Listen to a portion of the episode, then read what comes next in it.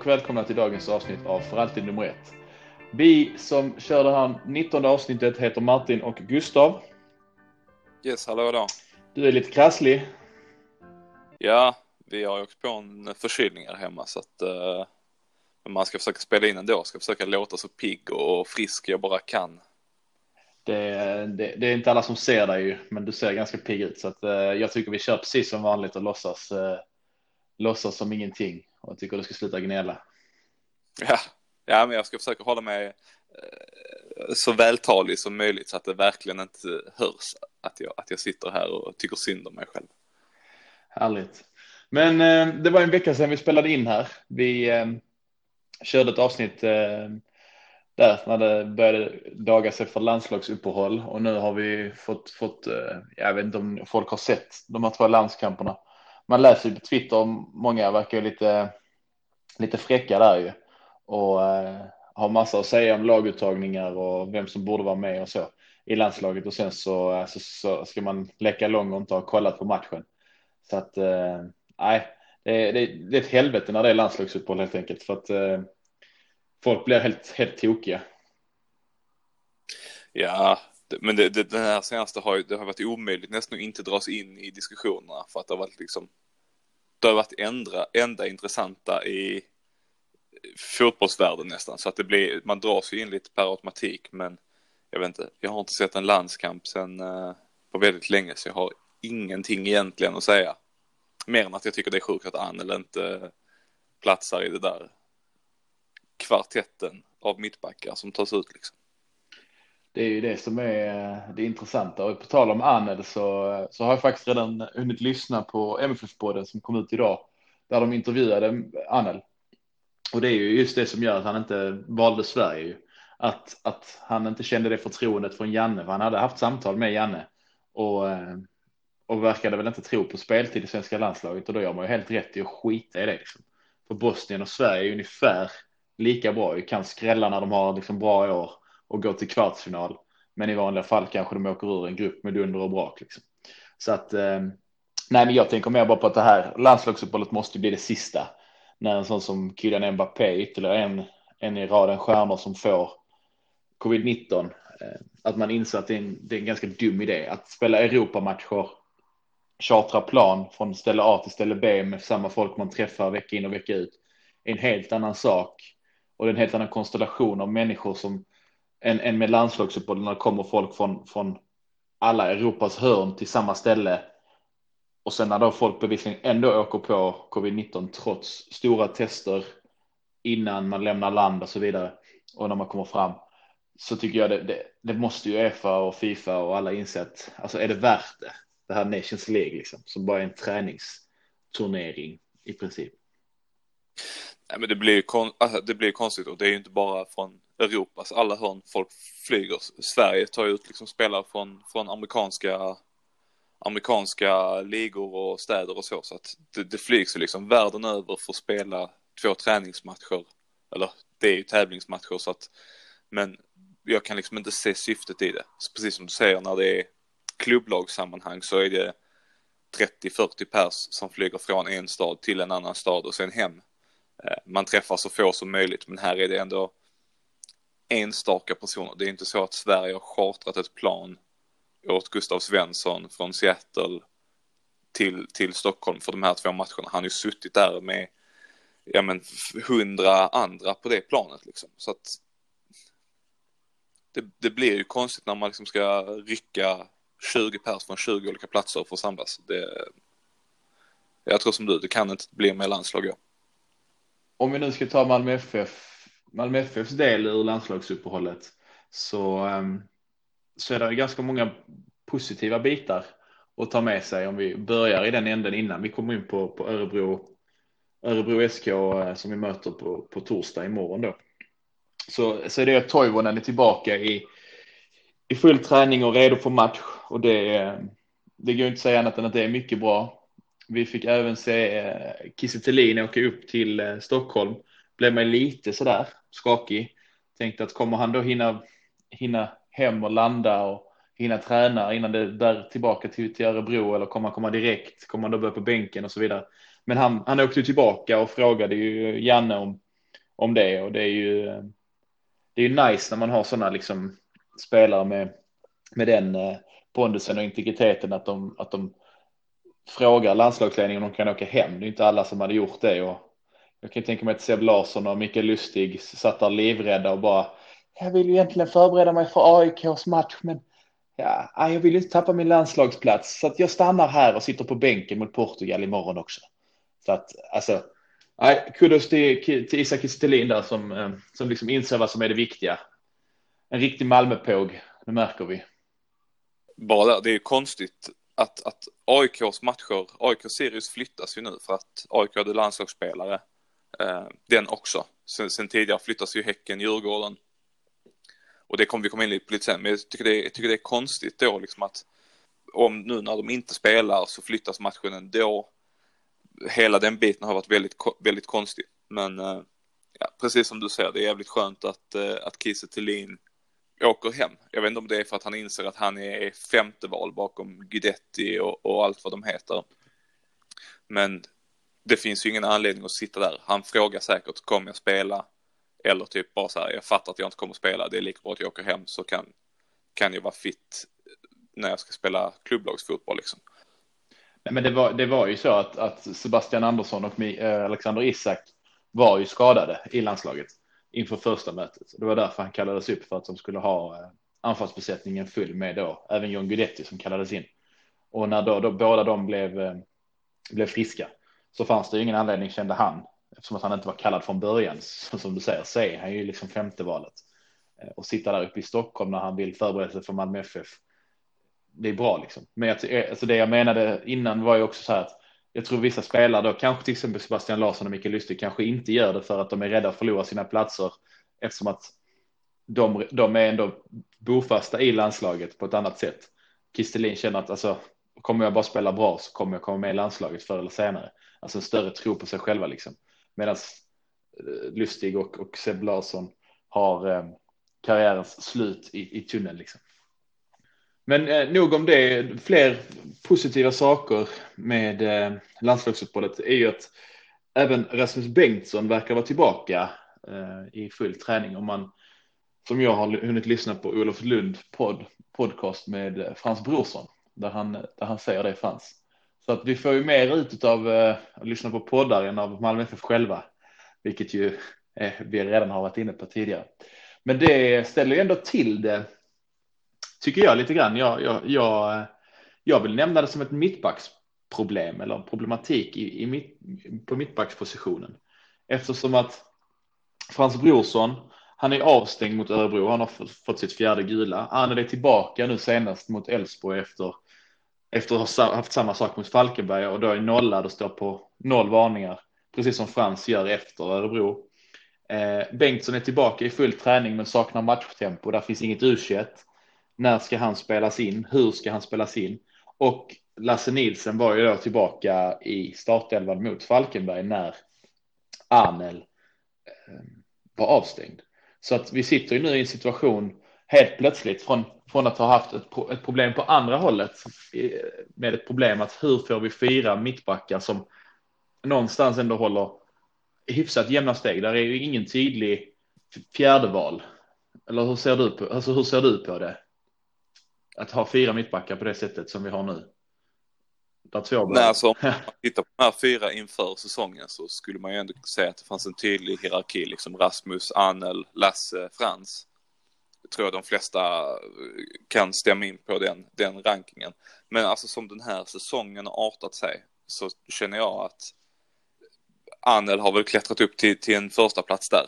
Eh, och inte bara då för att han har varit ruskigt bra utan för att han ja men han är 21 år gammal, han har troligtvis en bra karriär framför sig och kan troligtvis då säljas för mycket pengar. Så att där skulle jag väl säga är vår, enda givna mittback i dagsläget. Jag skulle personligen nästan se Frans som andra valet nu, för att jag tycker han har gjort det så pass bra.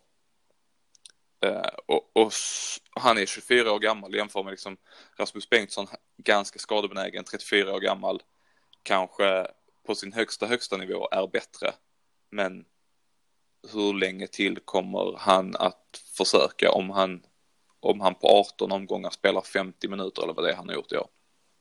Så att där kan jag väl tycka att, ja men bygg vidare på Frans under tiden han verkligen, när han är på sin högsta nivå som han är nu.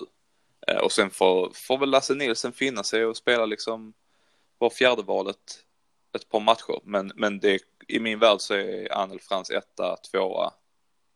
Så Rasmus och Lasse får väl dela lite på, på tredjeplatsen beroende på liksom bygget för nästa säsong och eh, ja, men matchens dignitet kanske. Men som du säger, det är skitsvårt när man ska spela in Rasmus, äh, Rasmus Bengtsson, låta honom komma in i, i toppform igen liksom. Det finns ju varken tid eller utrymme eller, eller matcher i dagsläget där man liksom kan slänga in en machotränad 34-åring som ska, som kommer behöva ett par matcher för att komma tillbaka liksom.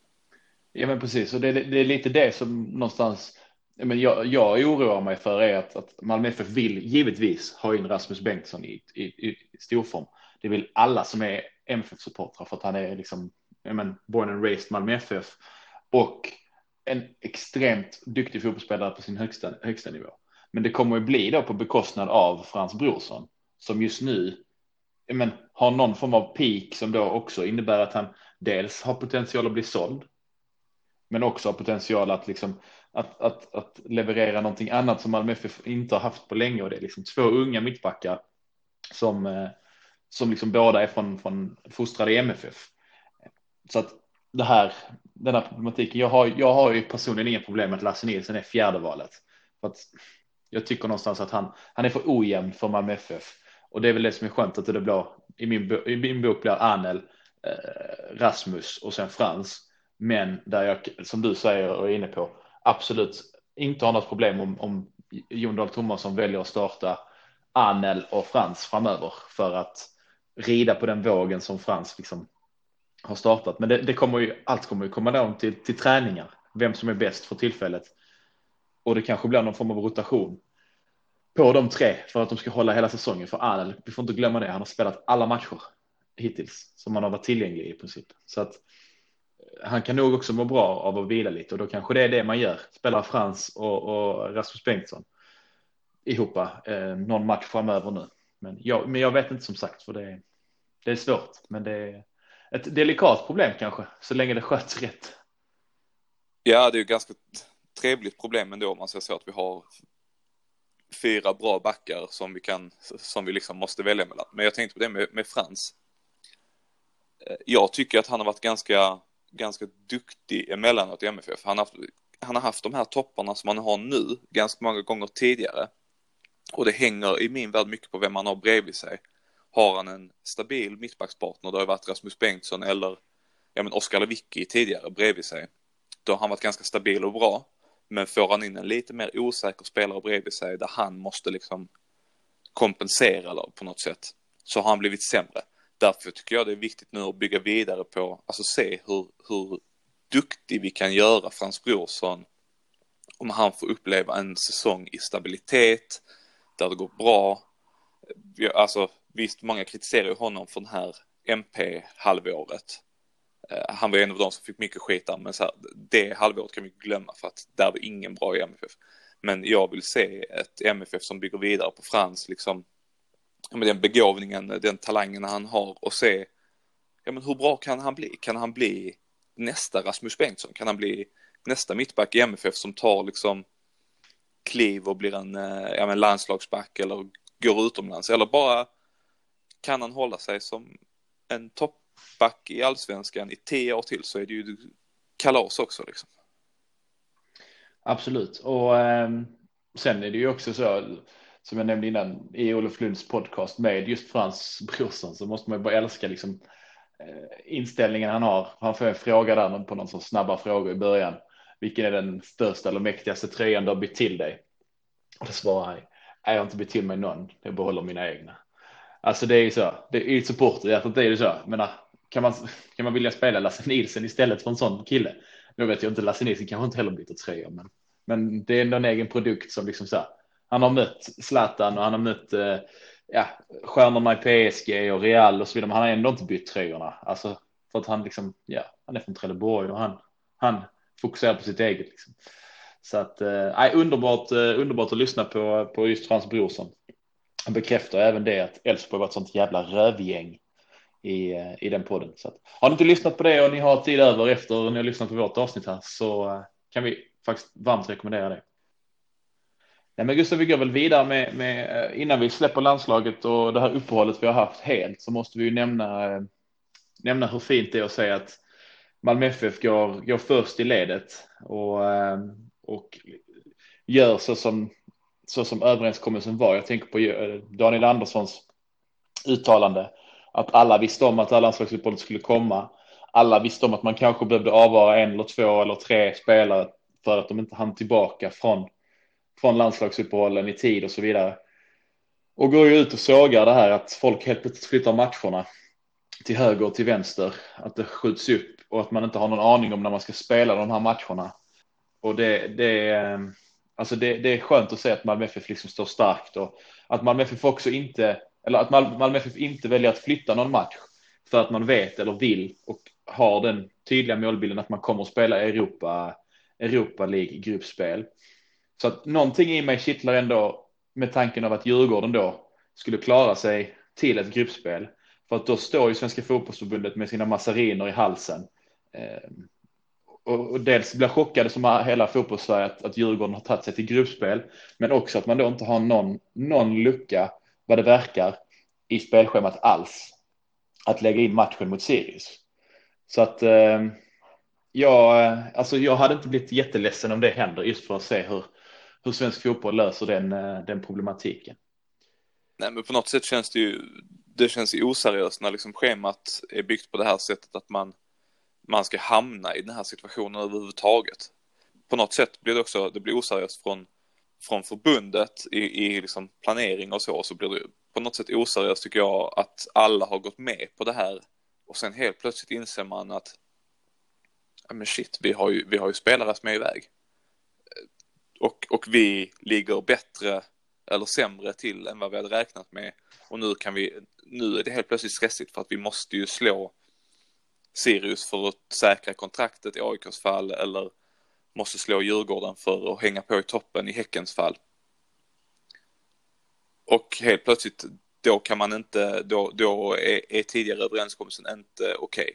Och det här att liksom Häcken kände sig pressade att, Eh, att gå med på den här överenskommelsen. Alltså, vad, vad stod liksom eh, Kenneth Andersson och, och, Daniel Andersson och eh, jag vet inte vem i Östersund, Kindberg säkert, stod de liksom och hotade er och, och, och gå med på det här. För att det, det kan ju liksom inte vara ett, ett tvång. Nej.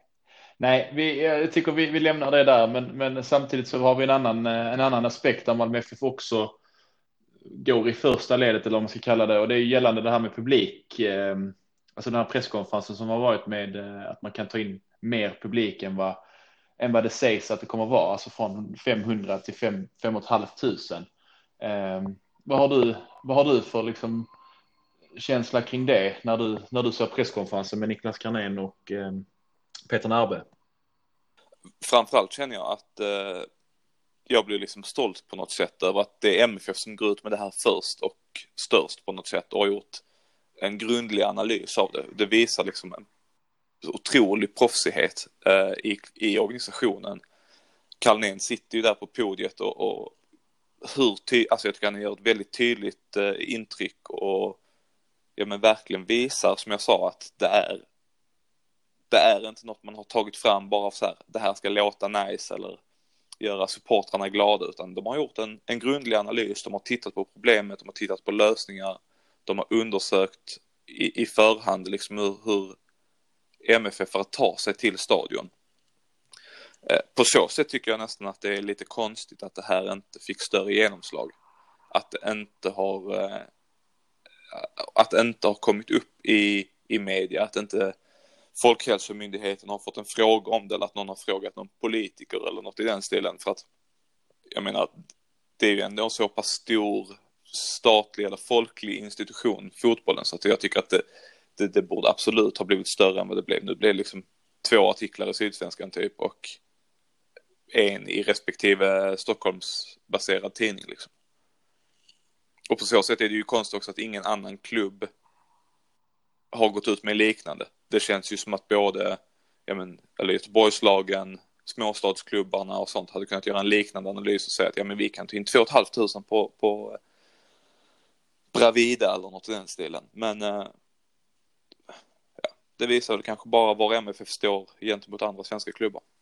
Precis, för jag tror att, jag tror att problemet när man MFF går ut på det här sättet, att man har ju säkert hört av sig till andra klubbar om det är fler som har, har gjort en research och det finns nog ingen annan som har, kanske inte har ekonomin till att göra det, alltså folk som, folk som gör det här arbetet, gedigna arbetet, men kanske inte heller ens har tänkt på aspekten att man kan lägga fram det så här eller använda den tidigare baserade datan på hur supportrar tar sig till och från matcher eller vad man nu har för information i de de olika klubbarna. Så det är därför jag tror att det inte får större genomslag för att Malmö FF är på en helt annan dimension. Och då kan folk säga att det har med våra 500 miljoner på, på banken att göra så, men det, det är ju helheten i att eh, man, när man hör Andelin berätta om, om Uefa-lottningar och så vidare och hur, hur man utbyter erfarenheter.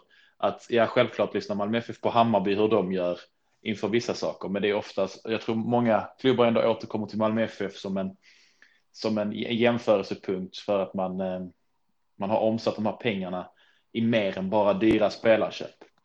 Men innan vi släpper den så tänkte jag bara så här. Jag har både läst och hört eh, lite grann om att vissa jobbar efter alla eller ingen principen. Det spelar ingen roll var, var, var vi står i de olika liksom, sidorna där, utan se istället det här som hur, hur bra Malmö FF gör detta, hur, hur mäktig klubben är på, på sin, sin, sätt att kommunicera med, eh, med sådana här saker. Eh, fokusera inte på antalet fem och ett halvt tusen utan fokusera istället på hur de la fram det. Hur väl, välarbetat som du sa, hur välarbetat det var och hur värdigt det här är Malmö FF på alla sätt och vis. Det här arbetet kommer också ligga till grund till, till liksom nästa, eller till, till slutfasen i publik, till, eller återkomsten eller vad man ska kalla det. Nu har MFF en plan, ja men så här kan vi få in 5 500 på ett säkert sätt. Då är det ju lättare att gå vidare med att okej okay, men så här kommer vi få in 15 000 på ett säkert sätt. Allting är ju en pusselbit i liksom ett större pussel. Så att det här tycker jag bara, ja men som du säger, det är ett bra bevis på att MFF är en, ja men störst. Bra, bra sammanfattat som, som avslutande punkt här Gustav. Vi, vi lyssnar på, på en liten jingel. Ska vi ta Pavel Civicka? Ja, varför inte? Ja. Yeah. De har inte det vi har. Vi har allt. De har inte allt. Enkelt. Och eh, vi sitter ju här runt lunch. Klockan är snart ett. Onsdag. Allsvenskan börjar igen ikväll Gustav med toppmötet. Eller just ja. Helsingborg-Kalmar. Men imorgon så spelar eh, Mästarmästarna uppe på Bern Arena. Och ska möta Örebro SK. Och det var ju bara fyra omgångar sedan vi mötte dem hemma på stadion. Så att vi har ju gått igenom, eh, gått igenom Örebro på ett, eh, på ett lite snabbt sätt inför den matchen. För att det, vi fick ju precis innan inspelning identitetslöst. Varför är Örebro så identitetslöst? Trots storlek på stad då liksom. Alltså, ska, jag har inget svar överhuvudtaget för att jag har ingenting på Örebro. Alltså jag har absolut, jag vet, jag vet, det jag vet om Örebro är att de har ett hockeylag och ett fotbollslag. Eh, och att de spelar på plast. Och att de... Sen är tomt. Jag har ingen, alltså, jag kan nämna att tre spelare i deras lag, varav två är liksom, eller tre är före detta MFF-are typ. Det är liksom, jag vet inte, någonting har de, har de misslyckats med, för det är väl ändå en ganska stor stad. Absolut, alltså det är precis som du säger att, att Örebro är liksom, det, det är en enorm, enorm jävla parentes, men det bor ändå liksom, det, alltså det är Sveriges sjunde största tätort med 120 000 invånare. Och det, det, borde, alltså det, borde, det borde vara en sån utmanare på över halvan lite då och då. Hur kan en eh, så stor, stor stad som ligger så strategiskt i Sverige var så oerhört identitetslös? Det var, var en extremt bra frågeställning från eh, den gode kaffeultras, men, men vi, kan, alltså vi kan inte svara. Vi, vi kan göra hur mycket research som helst på Örebro tror jag, men vi kommer bara komma fram till att eh, att de inte borde vara en så stor parentes i svensk fotboll som de faktiskt är. Nej, jag tittar man Gustav, de fem senaste på, eh, på Bern Arena mot eh, Örebro för Malmö FFs del så har vi eh, tre vinster, en oavgjord och en förlust. Den, eh, den raden stämmer ganska bra överens med den eh, totala som vi har i, i Örebro sett i allsvenskan. Det är 22 vinster, 18 kryss och 11 förluster. Så att eh, svårt att säga någonting e-, egentligen om det. Vi, eh, vi vinner lite oftare än vi förlorar. Men eh, nu gör ju Romain Gall sin första match kanske mot Malmö FF om inte där finns någon klausul som gör att han inte får spela. Men det, det har inte Malmö FF varit så bra på att skriva in tidigare. Nej, det ska bli lite intressant att se, eh, se om han får spela här direkt. Det verkar ha gått sådär i, i Norge för honom. Jag läste någon som tyckte att det var Stabäcks sämsta, eh, sämsta värvning eller vad man ska säga på flera år liksom. Men, eh, men vi får se nu, han är ändå tillbaka i en tråkig svensk håla på en plastmatta. Så att eh, vem vet, han kanske exploderar där uppe. Men eh, Örebro generellt har ju fått lite offensiva MFF-bekantingar ska man kanske säga nu. De plockar även in eh, Dennis Hymmet från eh, Elfsborg på lån. Och han, eh, han hade ju en hyfsad debut kan man ju säga. Med tre starka mål mot, mot Norrköping. Ja, och det var ju några av dem var ju faktiskt, alltså det var ju riktiga alltså, klassmål. Eh, fantastiska eh, skott i krysset. Men eh, han får gärna hålla sig i skinnet. Nej, men, men eh, och, och förutom då Romain Gall och Dennis Hymmet som, eh, som uppenbarligen var i storform precis innan landslagsuppehållet. Så pratade vi inför förra matchen om Nahir Besara som är en oerhört bra spelare som kan blixtra till från klar himmel. Och även Jake Larsson, han som gjorde målet sist mot eh, på oss liksom.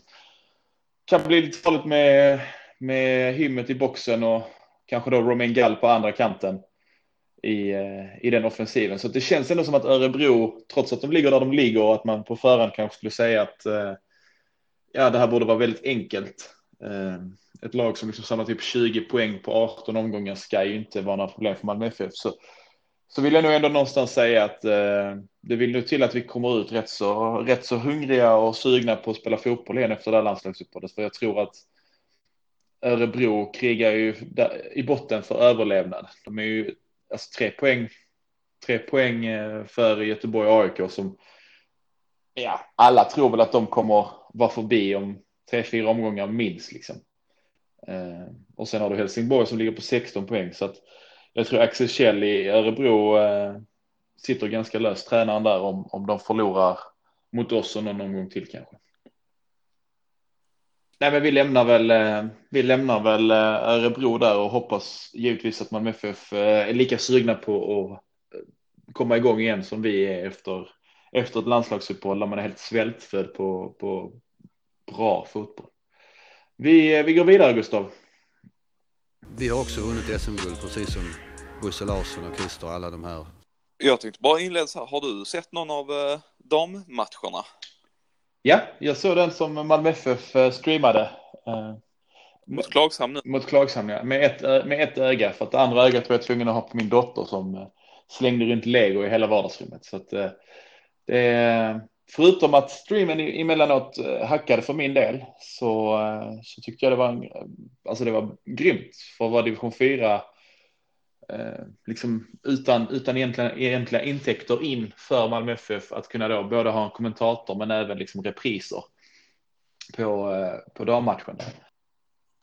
Nej men precis som eh, du säger, det var ju en trevlig överraskning med, med kommentatorn, en faktiskt bra sändning och sen tänkte jag på det att jag, jag satt också och kollade med ett litet halvt öga.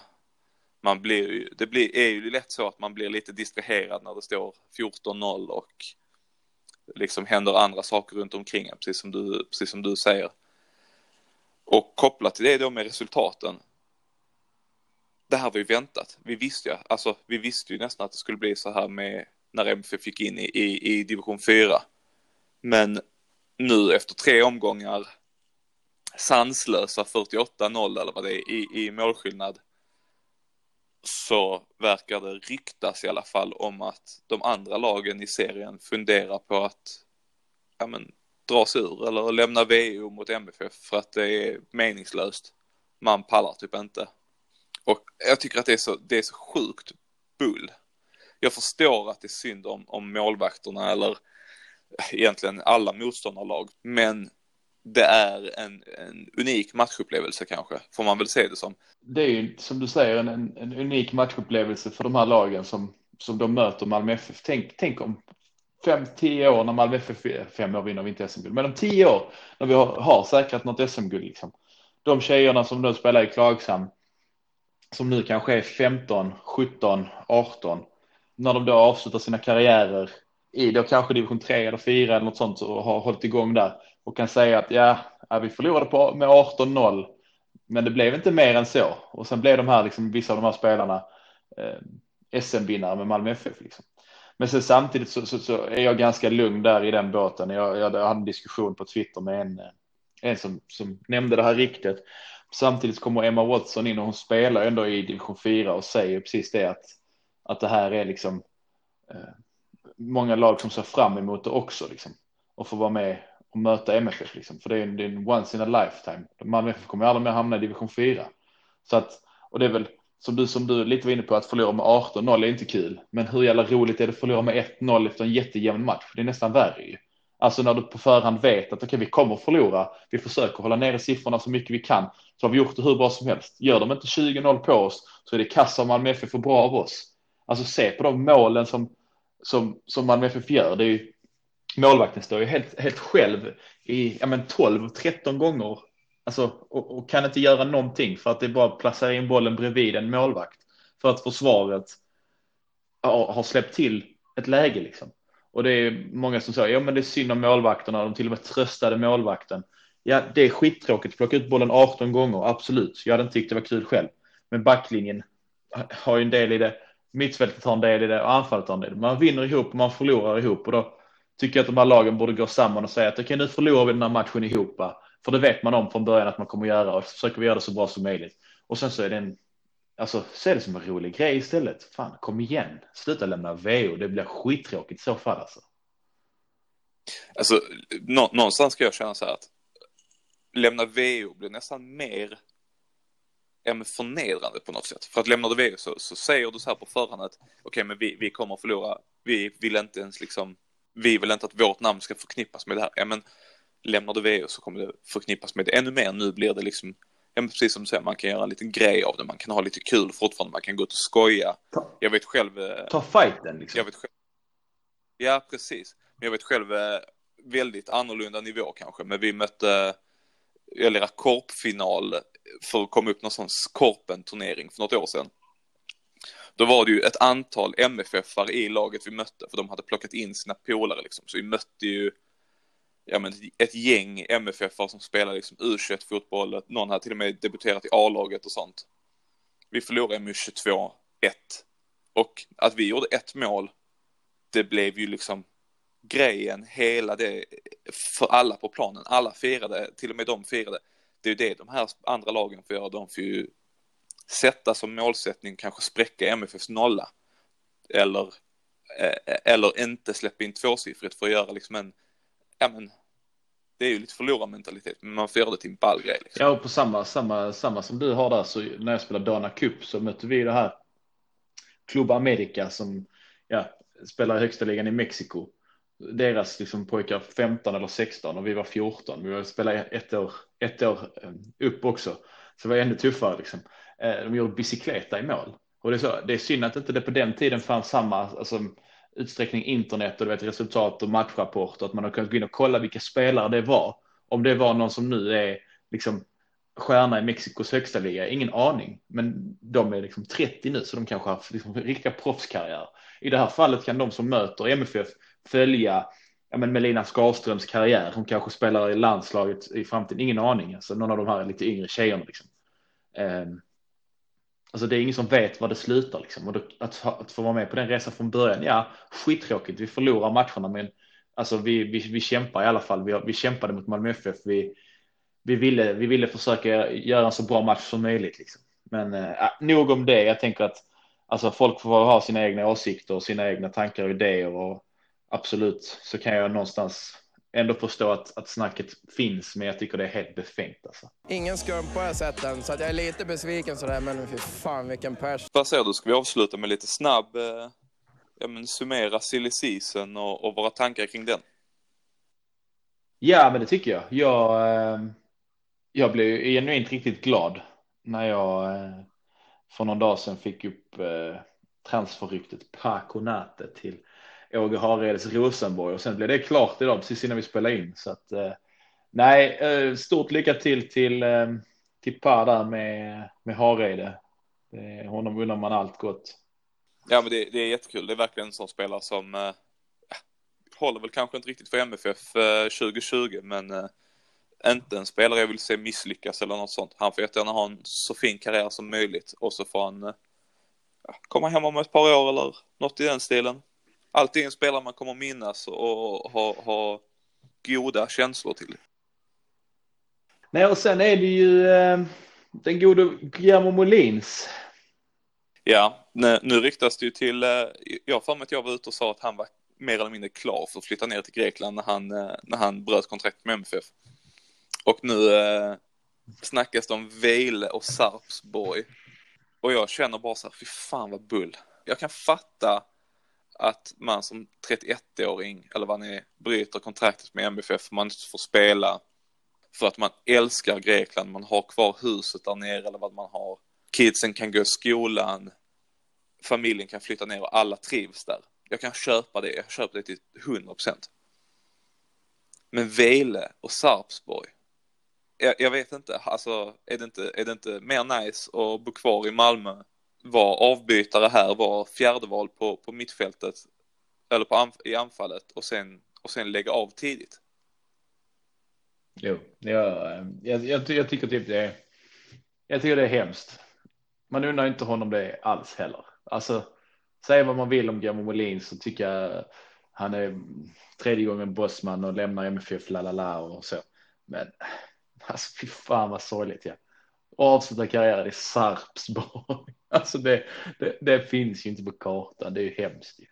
Om vi går vidare på spelare så, så, så de här talangerna som lämnar Lukas Björklund till AC Milan, Kasper Nilsson till Brighton, Donna Lub Lubistani till Kievo. Johan Rapp lämnar för Landskrona Boys och så Jaja Kalle till IFK Göteborg.